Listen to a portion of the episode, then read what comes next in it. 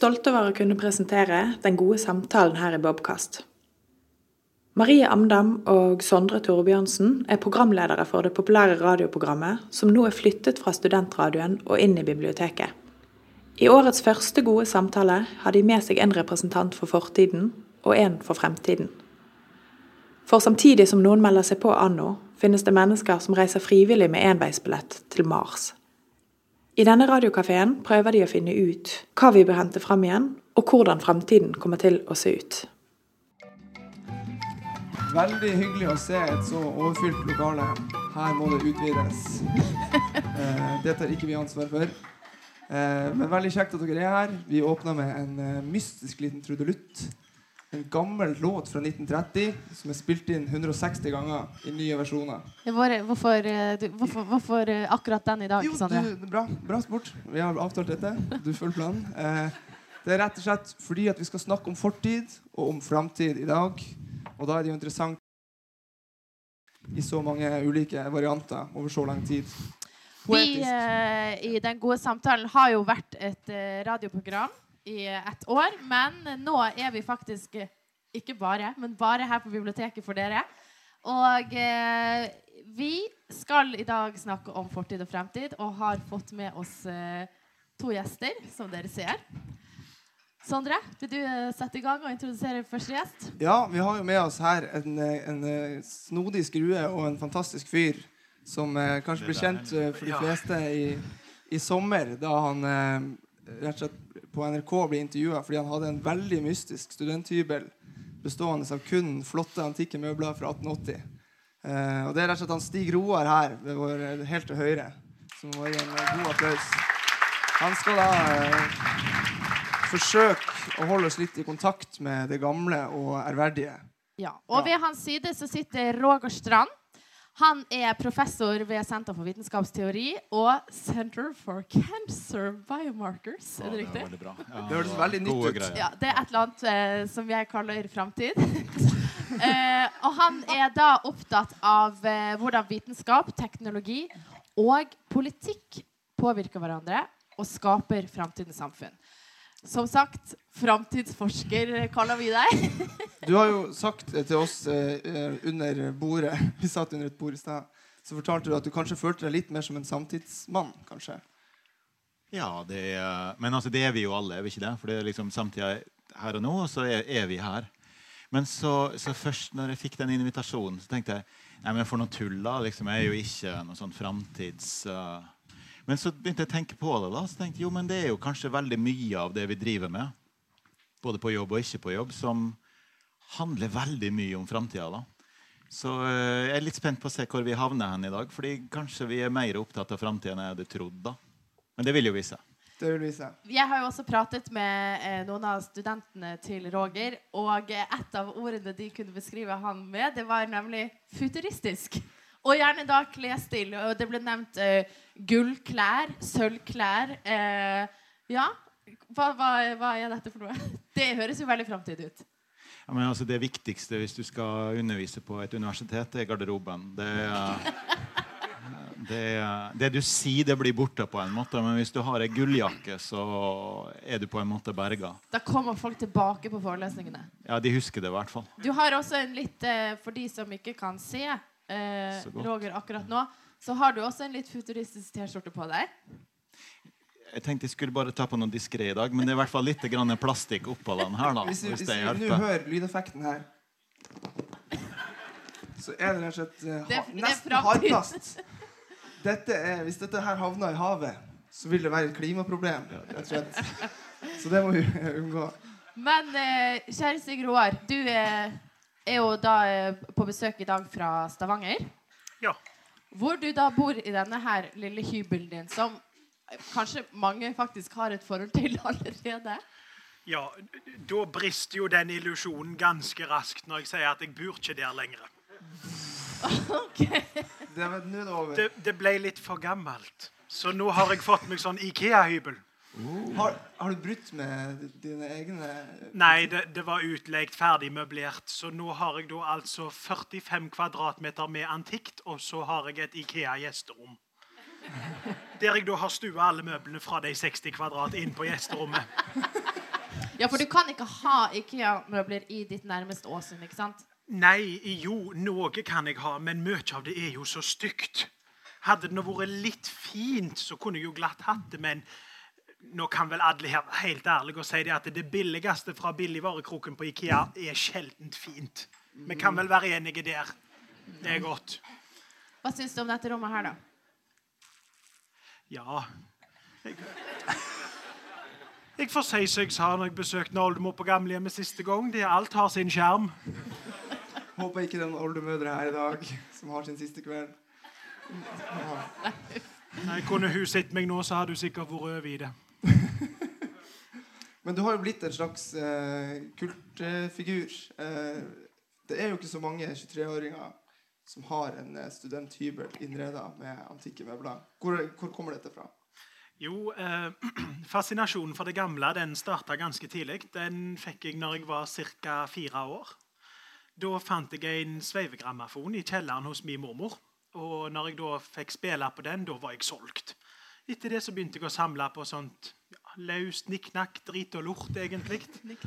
Og så bestemte jeg meg da for å ta det litt mer alvorlig når jeg så hvor mye fine møbler det var å få tak i, og, og hvor mye fine ting. Så da begynte jeg systematisk å samle opp, og den ene stua etter den andre eh, ble mer eller mindre komplett. Men er det ikke en ganske dyr hobby for en student, dette her? Både og. Kunsten er jo å finne det til en rimelig pris. Og det er jo markedet som eh, regulerer folk. Det er fryktelig mange som kommer til meg og spør du, jeg har arva ei gammel klokke etter mormor. Hva er den verdt?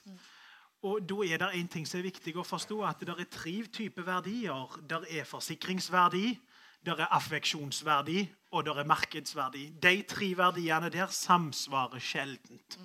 For som regel så er ting verdt omtrent det folk er villige til å betale, og nå om dagen så er det fryktelig lite.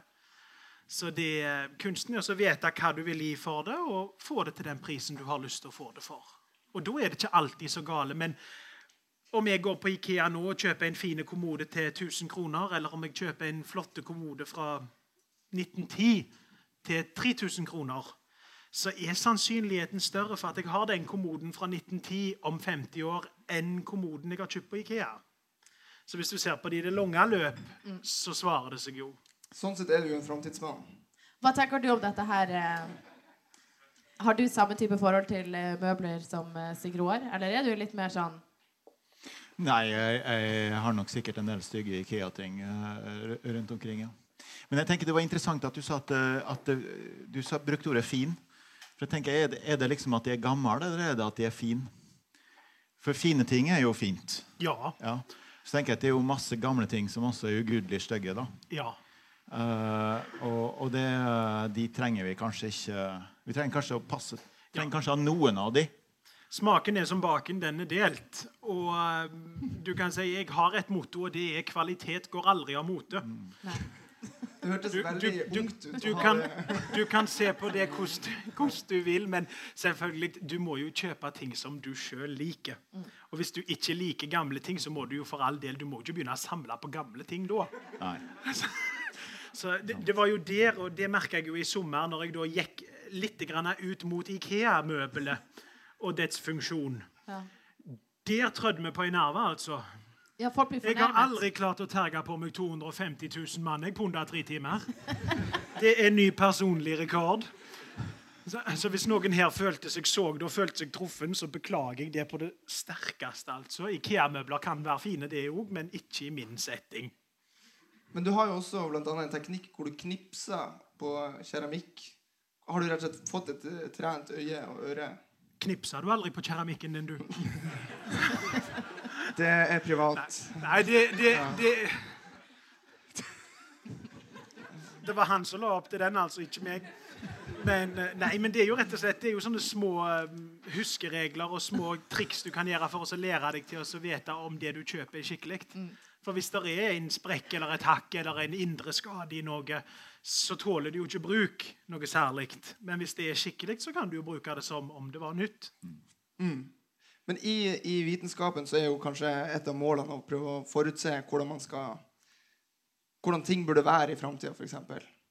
Eh, hvordan kan man egentlig gå fram for å vite hva, hvordan en god kjele ser ut om 1000 år, f.eks.? Nei, det tipper jeg at man ikke kan. Men, men det er jo eh, Det er jo et par ting som er interessant med vitenskapen. Og, det, og også disse utdanningene som vi sender uskyldige unge mennesker inn i. og det er jo at Særlig hvis de går på naturvitenskap og medisin, og sånne ting, så er det ofte veldig historieløst framstilt. Sånn at, liksom, hva, hva, folk, hva folk tenkte, tenkte, i medisin eller fysikken for 300-400 år siden, eller 100 år siden, eller 50 år siden, kanskje 20 år siden, det er jo ofte sett på som totalt irrelevant. da. Mm. Så det, det, er jo um, du, finner jo du finner jo selvfølgelig alt innenfor vitenskapen også. Du finner jo historiefaget, som er helt annerledes. Men denne ideen om at uh, vi trenger ikke historien, fordi det er bare det som vi vet akkurat nå, som er å bry seg med. Og Det er jo, det interessante med det er jo at det um, ofte gir en veldig mye dårligere evne til å tenke på framtida.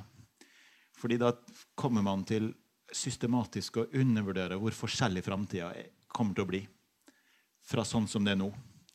Og det er jo liksom litt sånn Når du ser politikere skal tenke seg framtida, sånn, så er det akkurat som det blir sånn cirka sånn som nå, men mobiltelefonene er bitte litt mindre, og så har vi litt mer lønn. Mens hvis du ser på hvordan ting var for 50 år siden, 100 år siden, 150 år siden, så, så var det jo radikalt annerledes på mange måter. da.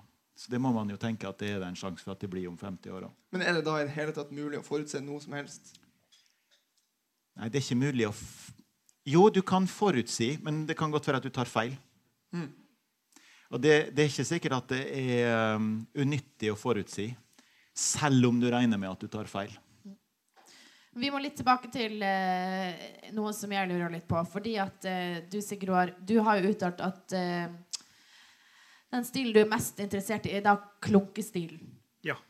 Du må fortelle oss hva det er for noe. Ja, Klunkestilen det er jo et dansk ord. For den norske tolkningen av den stilarten er jo det de kaller for historismen, eller stilforvirringen. Det var en epoke som oppsto på slutten av 1800-tallet, faktisk i København, fra 1870 og utover. Og, og det du kan si han er litt greie på en måte, for når den stilarten kom, det var samtidig så de begynte å virkelig innføre springfjørene i møbler. For, sånn de, for, de, som ikke vet hva ei springfjør er, det er de doing, som du ser på tegnefilm. De som kommer opp av sofaen. og, ja, og det gjorde at møblene for første gang i historien ikke bare hadde en dekorativ funksjon. De hadde òg en praktisk funksjon. De var gode å sitte i, og de ble brukt. Tidligere så hadde jo ikke fine møbler blitt brukt, og det er groen for at den stilarten appellerer voldsomt til meg. Men han har jo blitt kritisert voldsomt i ettertid òg. For det var to mot... Yes, det var veldig Du aner ikke hvor kontroversielt det var den gangen. Og det var to store ting som gjaldt den gangen. Den første det var at hadde du råd, så hadde du lov. Personlig økonomi det skulle gjenspeiles de omgivelsene du bodde i. Og det andre det var for mye av en god ting er helt fantastisk.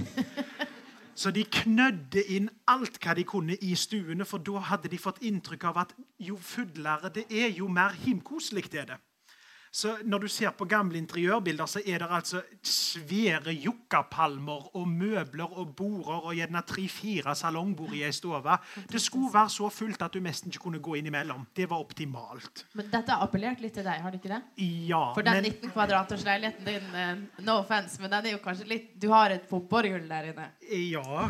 Eller salmesykkel, som vi kaller det for på Karmøy. Ja. Så det Men um ja, hva var det jeg skulle til å si nå, da? Du, Kan jeg spørre deg om en ting? De der springfjærene, ble de sett på som moderne? vet du det? Å oh, ja. Det var veldig kontroversielt. For det var jo mange som mente at du kunne dø av de. Ja. For at de kunne liksom stikke inn i kroppen din? Og... Nei, det kunne de ikke, men det var rett og slett at det, det var fremmed og nytt. Det var jo akkurat liksom når vaskemaskinen kom, det.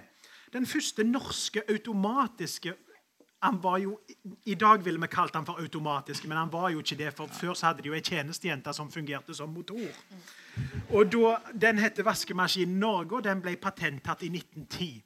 Det er da altså et kar, en balje som er forma som et vaskebrett i siden og nedi, og så er det en agitator i midten som vrir tøyet att og fram. Og En skulle jo trodd at når vaskemaskinen ble oppfunnet, at den solgte som varmt hvetebrød. Men det gjorde han ikke.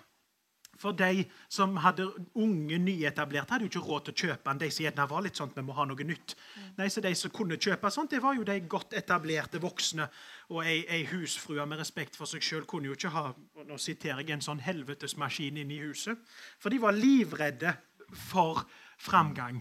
De var redde for å begi seg ut på noe nytt. Og det ble enda verre opp imot ja, rundt 1910 da begynte det å dabbe litt av igjen. Da skulle det være nytt, og det skulle være moderne. og sånt, Så det, det har jo gått litt i bølgedaler. Men jeg tenker på Roger, når, sånn som når han sier dette med For dette er jo noe som eh, kanskje mange kjenner seg igjen i, den frykten for framtiden. Mm. Hvorfor tror du vi er så redde? Nei, Noen ganger så har man jo god grunn til å være redd også, kanskje. Så, så, jeg mener, Akkurat de vaskemaskinene var sikkert ikke så fryktelig farlige. da. Springfjæra. Uh, og det er klart den springfjæra, det kommer jo litt an på hva som skjer med den springfjæra. uten at vi skal tenke for mye på det. Men, men hvis du tenker på bilen, da, så er det sånn at det i, eh, og nå, nå er ikke jeg historiker, så du må bare arrestere meg med en gang. Men vi har jo sett disse bildene med at det går en mann med et flagg foran bilen, og, og, og at, man, at, man, var bekymra for hva farten kunne gjøre med den. og sånn. Mm.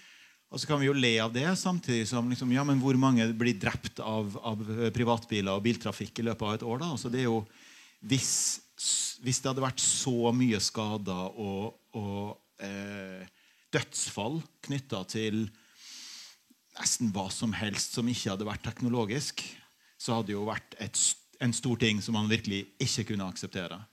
Så, så, det er jo noe med at noen ting lar man jo bare passere også. tenker jeg, Det er blitt helt normalt. At eh, liksom så så mange hundretusener dør i trafikken hvert år. Det er bare blitt normalt. For vi må jo ha farten. Så, så liksom, noen ganger, så er man, noen ganger man, tar man jo veldig på vei, kanskje. Og så andre ganger så tar man jo kanskje altfor lite på vei. Og når du snakker om fart, så kan vi jo en liten tilleggsopplysning si at de første bilene som kom, de kjørte i 30 km i timen i maksfart. Så i det tempoet så svevde du jo ikke akkurat i noe direkte livsfare. Men det var rett og slett frykten for framgang. Men eh, blir det ikke på en måte litt sånn at komfort kanskje er til alle tider har vært en slags drivkraft? Hvis f.eks. at disse fjærene kom og gjorde det enda mer behagelig å sitte i, i sofaen sin, og bilene har fått oss til å Ja, men alt det, det må ses i lys av si tid. For jeg vil si det er to ting som påvirker det. Enhver husholdning, en finere husholdning, hadde jo tjenestejenter opptil flere stykker. Og altså, Det eneste fattige folk kunne gjøre, det var å gå ut i tjeneste fra tidenes morgen og fram til 1890, 1900, 1910. Da begynte det å skje noe. For hva skjedde i året 1913? Jo, da fikk damene stemmerett i Norge. Og da fikk de lov til å gjøre andre ting. Og da var det plutselig ikke så lukrativt lenger å jobbe som tjenestejenter. Da begynte de å få seg jobber i skipshandlere, eh, som sekretærer og sånne ting. Og da måtte det skje en endring i husholdet. For det som fem tjenestejenter klarte å holde kustus på, det klarte ikke plutselig ei mor og dattera når de forsvant. Så dermed, Det er jo derfor den gradvise endringen. Når du ser på stilartene, så går de fra Hvis vi går på begynnelsen av 1800-tallet, så er det empiren. Helt enkle, beine linjer, ikke noe pynt, ingenting. Så kommer beadmayeren, litt jålete svinger, litt fine kurver. Så kommer klunkestilen pang med overstoppede møbler med pomponger og frynser og dingeldangler overalt. Og så kommer jugendstilen eller art nouveau tilbake til det helt enkle, minimalt med pynt. Ingenting.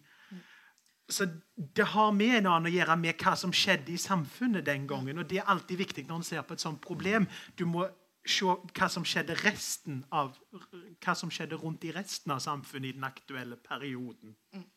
Vi skal ta en eh, liten pause, og vi skal spille den eh, de Gjestene har som vanlig til å velge hver sin låt. Og vi ga jo de selvfølgelig da at du må velge en låt fra fortiden. Vil du fortelle litt om låten du har valgt? Jeg husker ikke engang hva jeg har valgt. Hvis, uh, hvis jeg Men hvis du spiller Hvis jeg sier hvis du, 'Voices of Spring' Hvis du spiller den, så skal jeg kommentere etterpå. Jeg. Da spiller vi 'Voices of Spring'. Å, oh, det var den. Den kan jeg.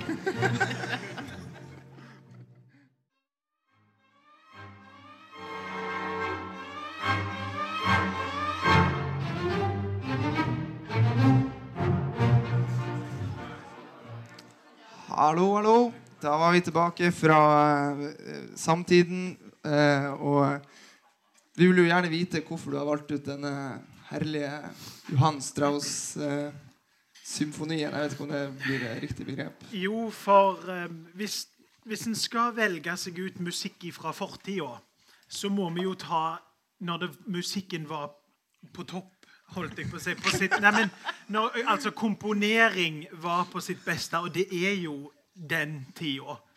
Og det er jo en grunn for at den blir spilt på nyttårskonserten i Wien hvert år.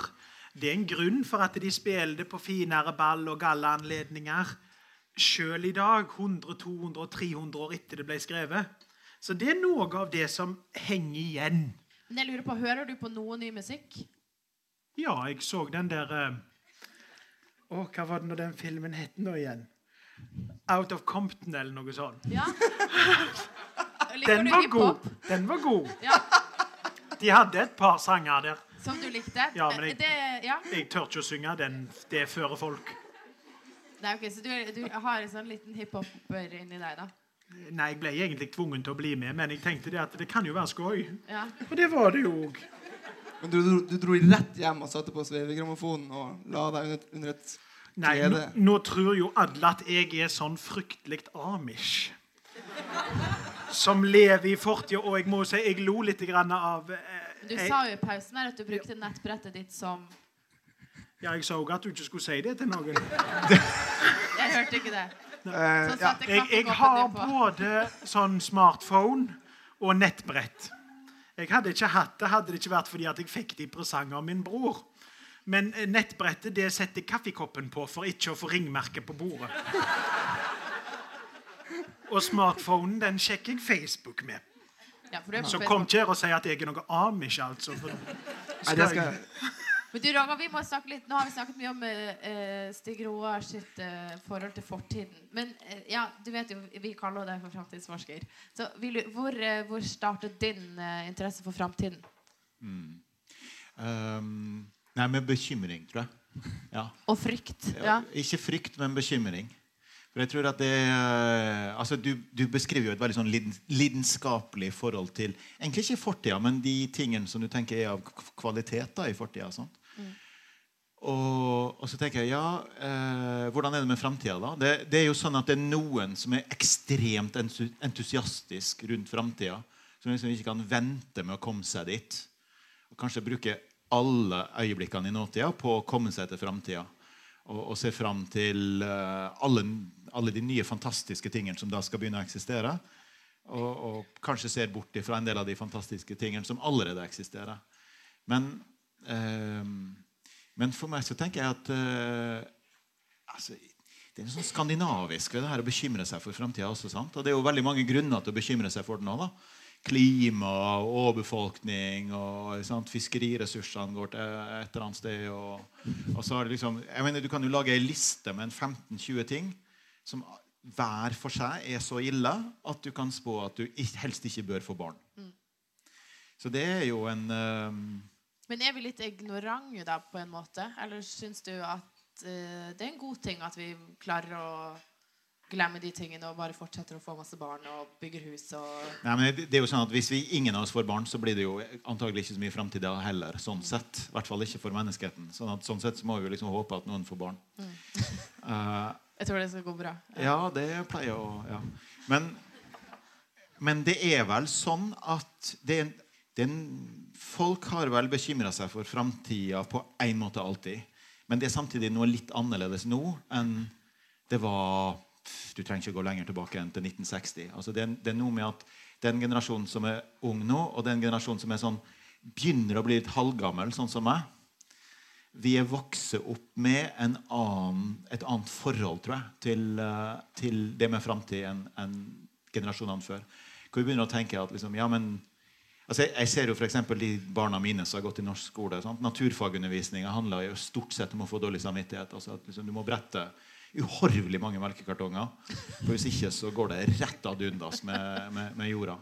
Og, og det er jo ikke bare ideologi der. Altså, det er jo en reell mulighet for.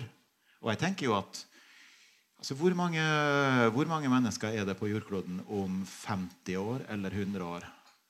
så tror dere at det kommer til å fortsette å stige? Liksom, jeg tror ikke det. Jeg tror I 100 år så er kanskje menneskeheten betydelig mindre enn den er nå.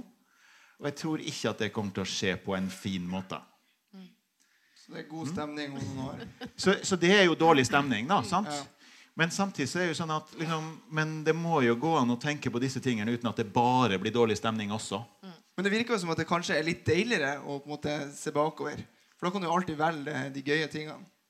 Men det kan du uansett. Både fremover og bakover.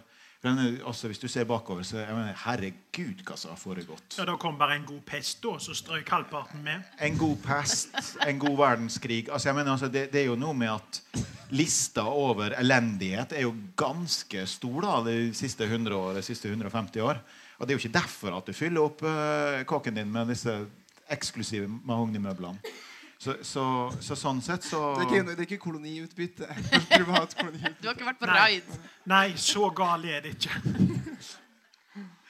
Men, men disse tingene henger jo sammen. sant? Fordi at eh, Hva er det vi vil Hva er det vi vil i framtida? Jo, det må henge sammen med hva vi veit, hva vi tenker har betydning av kvalitet nå. Og det vet vi fordi at vi har en levd historie. Så, så, så disse tingene må jo henge sammen. Men samtidig så er, jo, er det vel også kanskje et slags ideal om at man skal, man skal klare å vite hva som kommer framme, så at man på en måte kan handle nå ut ifra liksom en, en antakelse. Ja. Men den antakelsen tror jeg er i ferd med å bryte sammen. Og det tror jeg er en av de tingene som er i ferd med å endre seg. Så at eh, den derre eh, politikertypen med skulle si Gro Harlem Brundtland eller Jens Stoltenberg eller ja, ja, for så vidt Erna Solberg også, som liksom er Vi har kontroll. Det går fint. Uh, vi vet stort sett hva vi gjør, og det kommer til å bli omtrent sånn som det har vært, og kanskje litt bedre.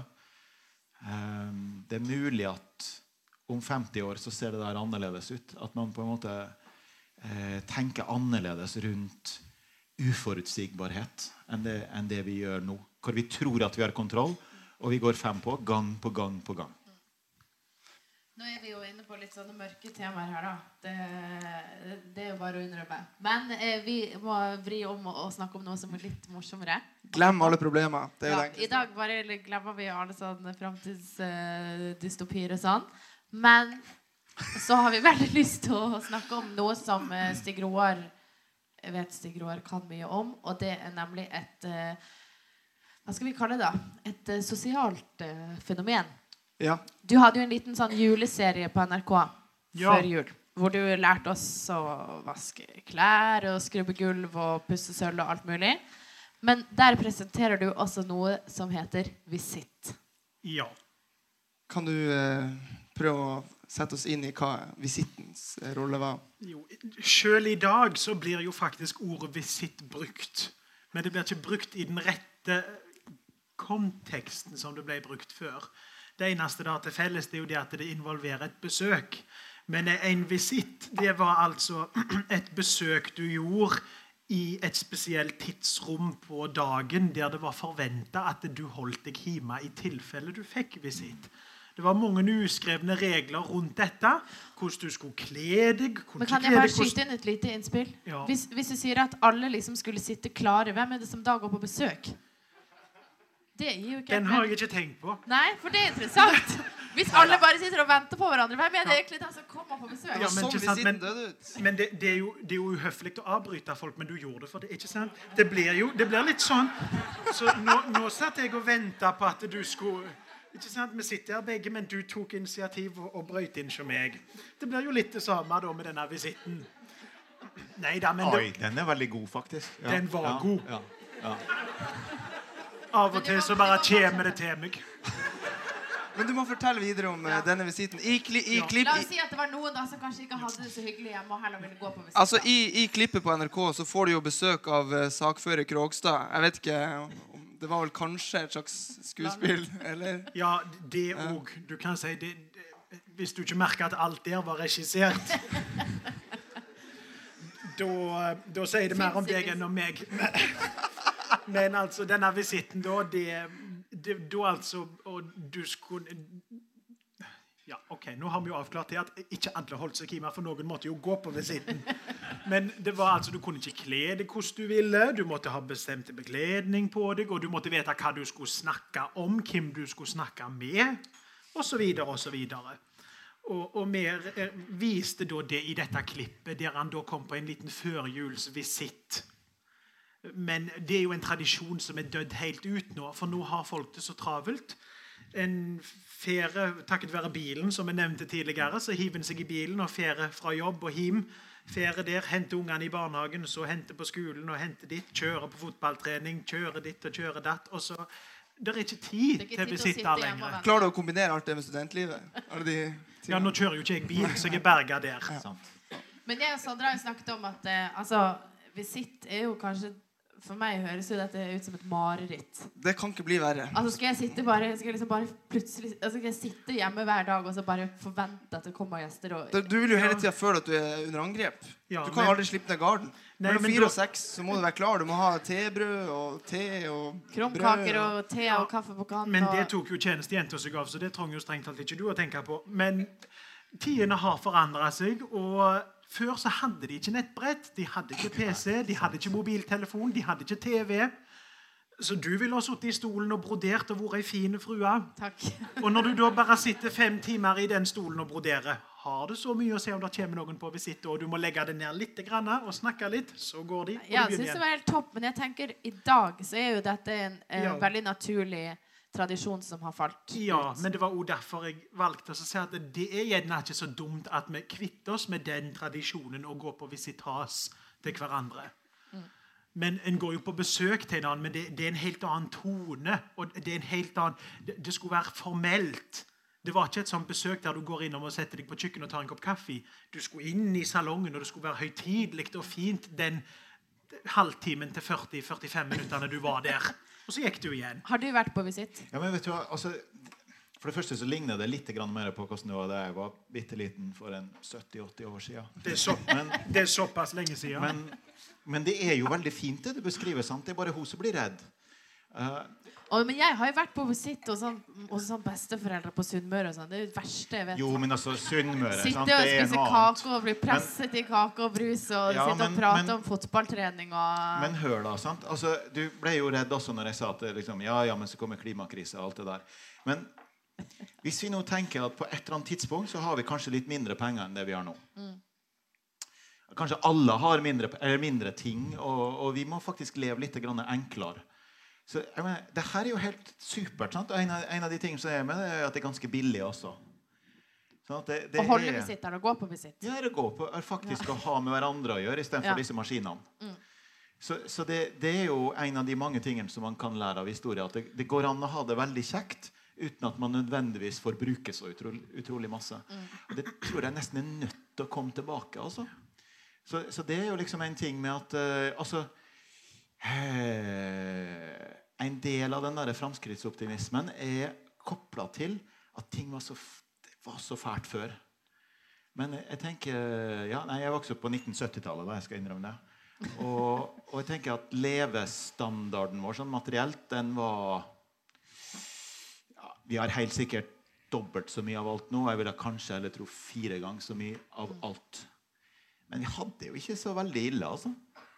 Det, det, når jeg tenker sånn jeg, jeg tror de grønne og framtiden i våre hender sier av og til sånn Ja, men kan vi ikke ha det omtrent sånn som vi hadde på 70-80-tallet? da? Og da blir det ramaskrik. Og herregud, det er jo ingen som kan holde ut det. Jo, men det var jo helt fint. Ja, Men de visste ikke bedre. Ja, sant. Det er jo akkurat liksom Hvis du går tilbake til 1880 det, De visste ikke hvor fælt de hadde det. Og altså Før det var en professor som sa at arsenikk var giftig, så var jo det kjempeflotte greier, det. Så ble det jo giftig, og da var det farlig. Kan Vil du fortelle hva de brukte arsenikk til? eh? Ja, jeg holdt et foredrag i Maritim Hall i Haugesund som heter 'Skjulte dødsfeller i hjemmet'. Perioden 1880 til 1910. Og hvis jeg skal fort ta høydepunktene der, så var det altså Tapet har jo gjennom alle tider vært dyrt. Men så, rundt 1870-1880, da var det en som heter William Morris. Jeg vet ikke om noen har hørt om han. Han oppfant da Morris-tapeten. En flott tapet som ofte skar i en sånn smaragdgrønne, fine farge. Det var arsenikk som fikk den grønnfargen til å bli sånn. Og for å si det sånn, Ett gram arsenikk er nok til å drepe et voksent menneske. I ei gjennomsnittlig bestestue i England så var det omtrent 1,5 kilo kun i tapeten. Og så for eksempel, når de da fant ut at arsenikk var giftig, så slutta de å male barna lekende med arsenikkmaling. Da gikk de over til blymaling i stedet. Og nå vet ikke jeg om noen er leger her, men symptomer på blyforgiftning, er det noen som kjenner til dem?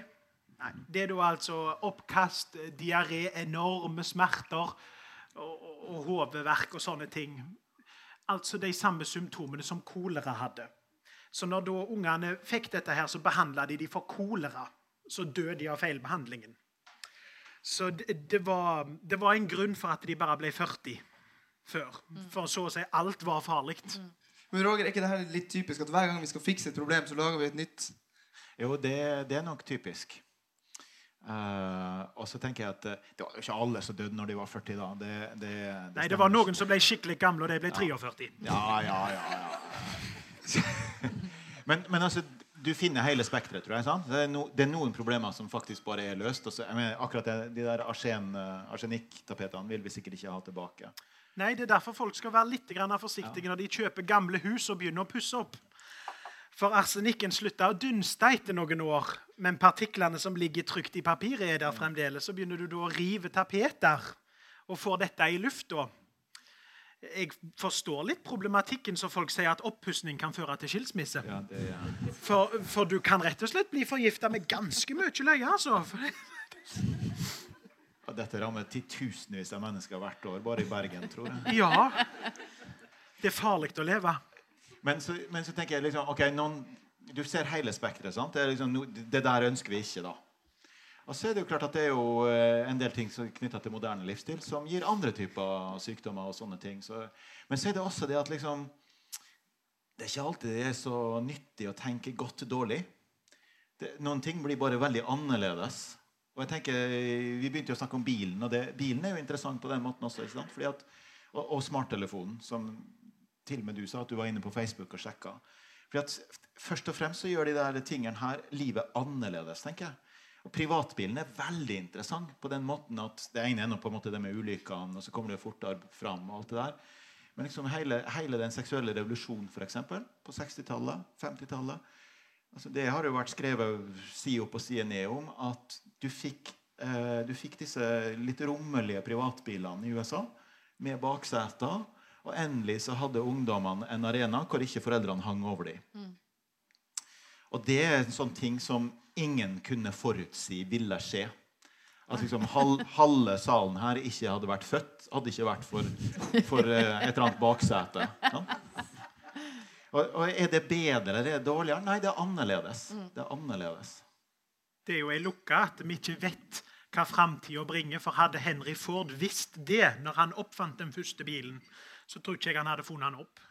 Rett og slett. Jeg tror kanskje Henry Ford hadde gjort det, ja, men uh, akkurat i det tilfellet. Men uh, i andre tilfeller så er kanskje andre som ville hatt betenkeligheter. Og det, og, men noen ganger er jo de kanskje de betenkelighetene på sin plass. òg. Mm. Men det som er viktig, det er jo også det å kombinere, for som du nevnte tidligere Det å være frøsen fast i fortida, det har ingen godt av. Det å kun fokusere på framtida har ingen godt av, og heller ikke nåtida. Du må ta og kombinere alle tre. Vi må ta med oss det beste fra fortida inn i framtida for å kunne få det best mulig. Mm. Og, og, akkurat dette her med, med, oppfinnelser og sånne ting, og hvis du skal se på det i et historisk perspektiv, så var det jo noe som forma hele det moderne samfunnet, og det var jo i 1912. De fleste vet vel sikkert at det da forliste Titanic. Og det som sto i alle overskriftene før han satte seil, holdt jeg på å si, det var jo det at denne båten Gud sjøl kan ikke synke dette skipet. Med andre ord, mennesket var uovervinnelig. Og hva skjedde? Jo, han forliste på første turen. Og så å si alle omkom. Og Det var med på å sette en svære stopper for denne mentaliteten at mennesket, vi er på topp, vi er uovervinnelige. Og det har vært med oss å prege hele 40-tallet, 50-tallet. Men nå begynner vi igjen føler jeg, å få de tendensene til at vi er uovervinnelige. Nå skal vi finne en kur for kreften, vi skal finne en kur for sykdommer, vi skal finne en kur for alt. Og altså, Beklag Beklager å måtte si det, men en vakker dag så må vi dø. Og hvis alle skal leve til de er 110, så vil vi jo få et problem på sikt hvis det blir født like mange unger som det blir i dag. Og Historisk sett så har det kommet en pest i ny og ne og tatt en, et par millioner rundt omkring i Europa. Svartedauden, renskap. Men de kom seg opp igjen. Og, og, og alle disse her sykdommene, og epidemiene som gikk. Men sånne epidemier går jo ikke lenger. Fordi at legevitenskapen er kommet så langt at vi har vaksiner, vi har såper, vi har alt. Og for all del, vi hadde jo ikke klart oss uten. Men vi må gjerne snart begynne å bremse litt opp og tenke hvor er vi på vei hen, og hvor vil vi? Du savner en god pest. Nei, ikke akkurat. Jeg, jeg uner ingen å få Eller jo, én uning å få pesten. Men det kan vi snakke om etterpå. Vi, vi må rett og slett ta en uh, liten uh, pause, og da skal vi over til din ønskelåt. Han ble utslitt av pesten. nå, Ja, Det, Ja. Det, Det, pesten har den tendensen på folk. Du, eh, du Roger, du sendte oss jo to ønskelåter. En du, du følte var en, en, en teknisk, futurisk låt, og en som var mer åndelig. Ja, for jeg tenkte, jeg, jeg tenkte litt sånn Ja, hvis jeg skal gjøre det som uh, dere kanskje tenkte var stiloppgaven min nå, da, da burde jeg ta liksom da, da måtte det nesten bli kraftverk. sant? Da måtte det nesten bli de som virkelig gjorde en karriere av å opp, prøve å finne opp uh, en sånn futuristisk uh. Men så tenkte jeg sånn Nei, men uh. Men eh, New Age det er jo også, fin, er jo også en fin måte å tenke på framtida på. Det er nesten ikke lov å si New Age og si noe positivt om det når man har lønn fra universitetet, men jeg gjør det likevel. Så jeg tenker sant, Hair og eh, Vannmannens tidsalder og disse, Det er jo også en sånn framtidsdrøm, da. Men det er jo ikke en teknisk framtidsdrøm, men en, en drøm om en eh, annen type åndelighet. Eh, og det, her kan vi jo legge ut på alle mulige måter, men det fins jo noen sånn veldig snille måter. Fornuftige, greie, sympatiske måter å tenke eh, New Age på, tenker jeg da. Sånn at uh, nå har vi hatt noen hundre år, ca. 300-400 år, med et voldsomt vektlegging av forskjellen på fornuft og følelser. At de liksom, nei, det må vi holde fra hverandre. Ofte med sånn greie med at det er mannen som er fornuftig, og kvinnen som er følelsesmessig også. Men det er jo en annen side av saken. Så liksom en, en sånn framtidsvisjon er jo at vi er på vei inn i vannmannens tidsalder. da. Hvor du skal ha en uh, ny syntese mellom, uh, mellom for, fornufta og emosjoner. Og det kan jeg jo egentlig Jeg lurer på hvordan det går med meg på jobb i morgen. Hvis jeg nå har sagt at jeg støtter astrologiske spådommer om mannens tidsalder. Men jeg tror jeg gambler den for at sjefen min er i India denne uka. Så det, det burde gå bra. Ok, men Da hører vi eh, Aquarius, eh, og så er vi straks tilbake.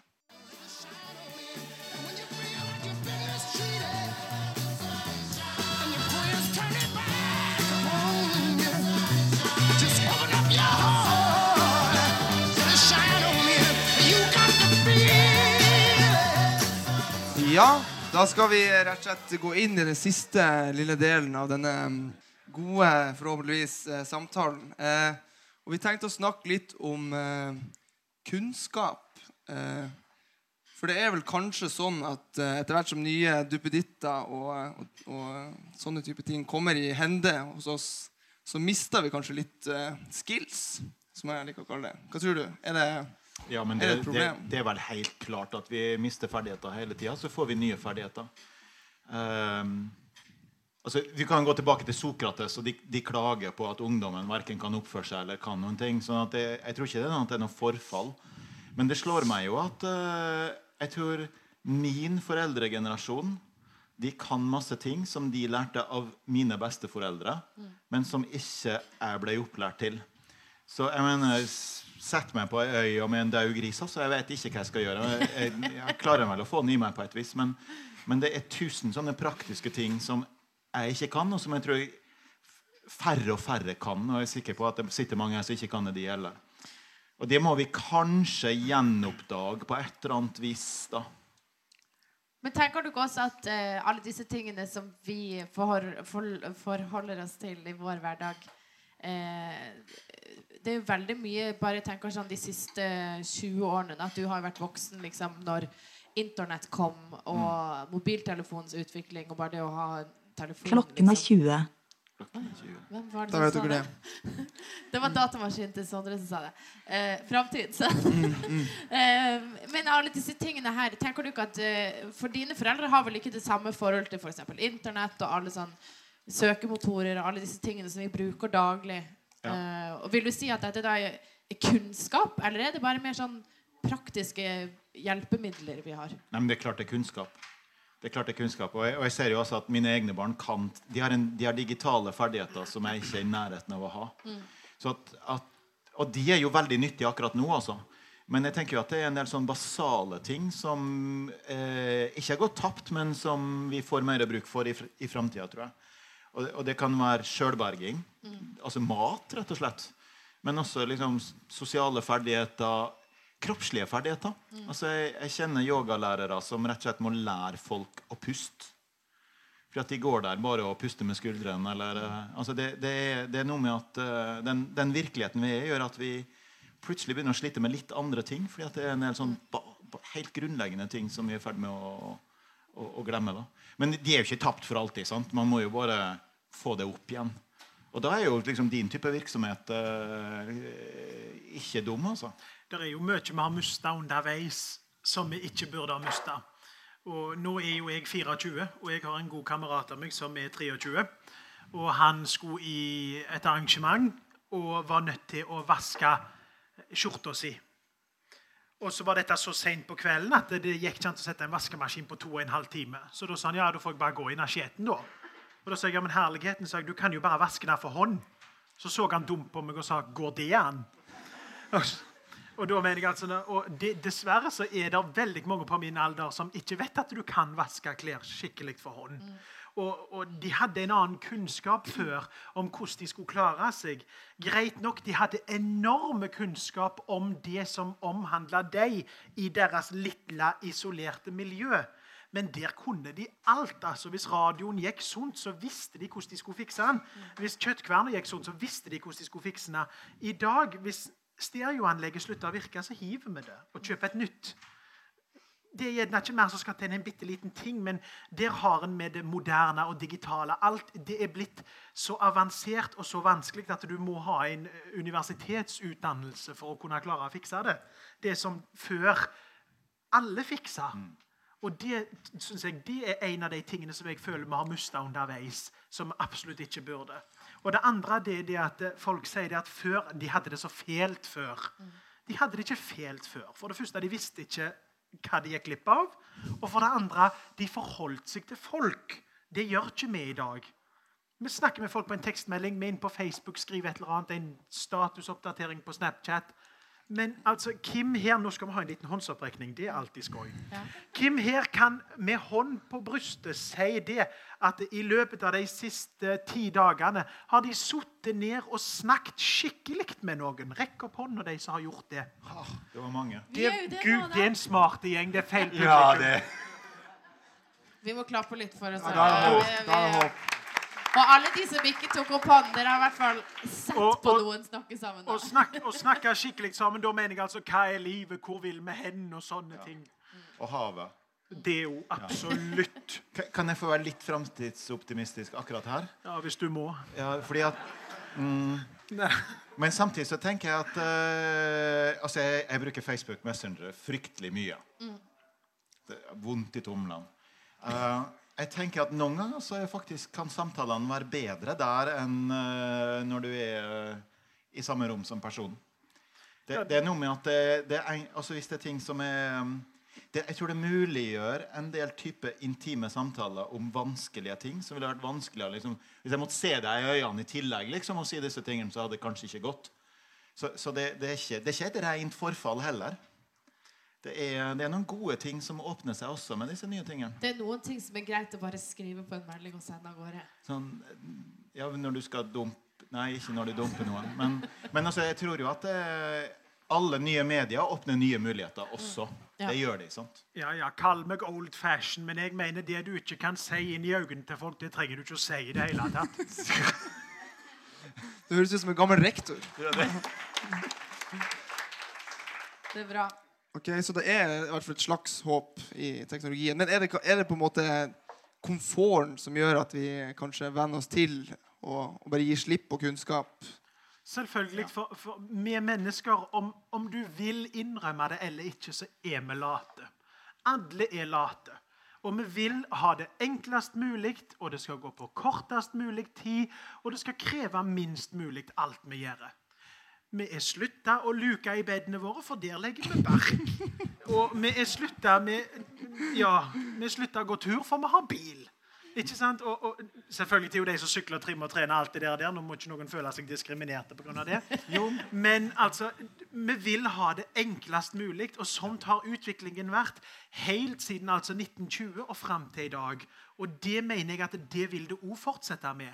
Men til slutt så sier det jo stopp. For til slutt så kan vi ikke få det enklere eller bedre. det, det er nødt til å endre seg, faktisk. fordi at jeg tror, altså, Latskapen, ja. sant? Altså, må også huske på hvor vanvittig slitsom mange arbeidsoppgaver var før. da. Altså, det, det er jo sant. sant? Og Hvor mye tid man brukte på å vaske klær og, og alle disse tingene. Men så er det jo det at eh, ja, så latskapen driver nok mye av den teknologiutviklinga og komfortsøkinga. Men så får du det paradokset da, at liksom, ja, så da må du nettopp på, helse, da må du på treningsstudioet fordi at du har satt deg så mye i ro at du er nødt til å ha eh, aktivitet på en annen måte. Så det får det para, paradoksale utslaget der. Så jeg tenker at, at liksom Hvis jeg skulle hatt et sånt håp for framtida, en sånn scenario hvor det, da var det mer balanse igjen. Altså Man tok tilbake en del eh, altså Istedenfor å ha alle maskinene som gjorde alt arbeidet for oss, og så måtte vi slite oss til eh, treningsstudiet for å få brukt kroppen, sånn at den ikke går i stykker, så tok vi tilbake noe av dette arbeidet. For og, og vi tok tilbake noe av det sosiale livet. Visittene dine. Vi tok tilbake noen av altså, Det ville vært en mer balansert situasjon. Og mest sannsynlig også en situasjon hvor vi får brukt mindre, mindre ressurser. Så den ville sikkert vært mer bærekraftig også. Amen. Så hvordan, eh, hva skal vi si da? Tror dere at dette her kommer til å gå bra? Bør vi være optimistiske for framtiden? Det, vi, det kommer kanskje ikke til å gå bra, men man bør Det, det kommer en dag i morgen. Og med det så ønsker vi dere eh, tusen takk for eh, praten. Eh, Takk for at dere kjekt. kom, og takk til våre flotte gjester. Takk for at dere ville stille opp. Stig Tusen takk for oss.